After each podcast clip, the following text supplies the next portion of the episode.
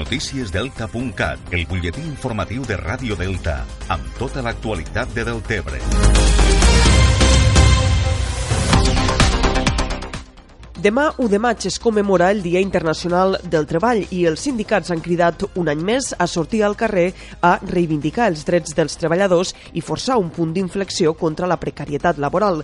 Cal tindre en compte que a Catalunya hi ha 400.000 ocupats per sota del llindar de la pobresa, és a dir, treballadors pobres. A les Terres de l'Ebre es farà una manifestació unitària dels sindicats Comissions Obreres, UGT i USOC demà 1 de maig a les 12 del migdia des de la plaça del Carrilet de Tortosa. El lema de la jornada és més drets, més igualtats, més cohesió, primer les persones. Valentí Marín és el secretari general de la UGT Terres de l'Ebre. S'ha instal·lat a la societat eh, catalana i espanyola una nova classe social que es diu el precariat, que és la gent que està treballant i que no arriba a final de mes.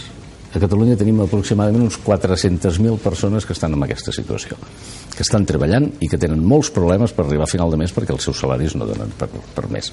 La pujada dels salaris és, per tant, una altra de les reivindicacions d'este primer de maig.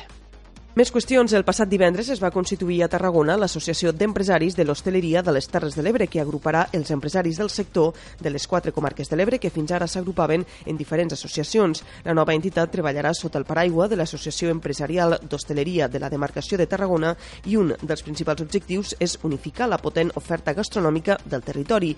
Del Tebre estarà present en la nova Junta amb la representació de l'empresària hostelera Montse Callau.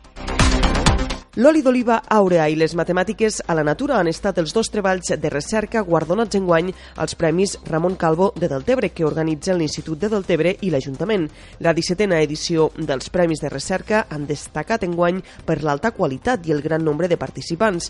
La guanyadora de la modalitat humanístico-social ha estat l'alumna Maria Gascó de l'Institut de la Sènia, amb el treball l'oli d'oliva àurea de la Sènia al Japó, mentre que en la modalitat científico-tècnica el guardó se l'ha Institut Marta Sanz Matamoros de l'Institut Els Alfacs de la Ràpita amb les matemàtiques a la natura. Pel que fa al Premi del Cartell, que servirà per anunciar els Premis Ramon Calvo de l'any 2020, ha estat l'alumna Anna Gasparín de l'Institut Ramon Berenguer Quart d'Amposta amb el treball Mastega la Cultura. Recordem que els Premis Ramon Calvo de l'Institut de Deltebre, que l'any vinent compliran la majoria d'edat, estan oberts als estudiants d'ESO, batxillerat i cicles formatius de les quatre comarques de l'Ebre. D'altra banda, el Consell Comarcal del Baix Ebre ha obert el període per tramitar els ajuts per al pagament de lloguer destinats a nous perceptors. Esta prestació es pot sol·licitar fins al 7 de juny a l'Oficina Comarcal d'Habitatge. Per poder sol·licitar ajuts per al pagament de lloguer s'han de complir un seguit de requisits, entre els quals que el preu màxim del lloguer no superi els 350 euros al mes. També hi ha un màxim d'ingressos familiars per accedir a l'ajut que s'estableix en funció del nombre de membres de la unitat de convivència i també de les seues edats. Així tenen tenen puntuacions extra els majors de 65 anys, les persones que han perdut l'habitatge en els darrers 12 mesos, famílies amb algun minusvàlid a càrrec, joves de 18 a 35 anys amb ascendents o fills al seu càrrec, famílies nombroses i monoparentals o víctimes de violència de gènere, entre d'altres. L'Oficina Comarcal d'Habitatge del Baix Ebre va gestionar l'any 2018 un total de 590.000 euros en concepte d'ajuts a famílies en risc d'exclusió residencial. I demà dimecres a les 6 de la tarda el Club Deportiu La Cava jugarà el partit aplaçat contra el Corbera d'Ebre.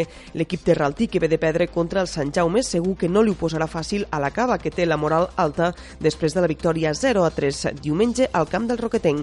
David Torres és el tècnic dels blanquiblaus.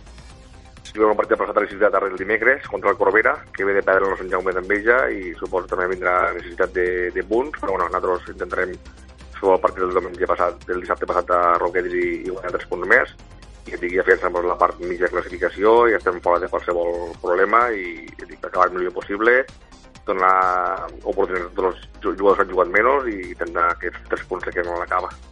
D'altra banda, dissabte l'acaba rebrà el Jesús Catalònia, quina la classificació empatat a 51 punts amb el Flix i l'Aldeana. Encara un últim apunt per afegir que demà 1 de maig el Jesús i Maria celebra el torneig de futbol base Lomagre. En el torneig hi participaran una desena d'equips de categoria Alevi i el torneig arrencarà a partir de dos quarts de deu del matí i està previst que a les 5 de la tarda es puga fer ja l'entrega de trofeus als guanyadors. Això és tot per ara. Ja saben que poden continuar informats al portal deltacat.cat.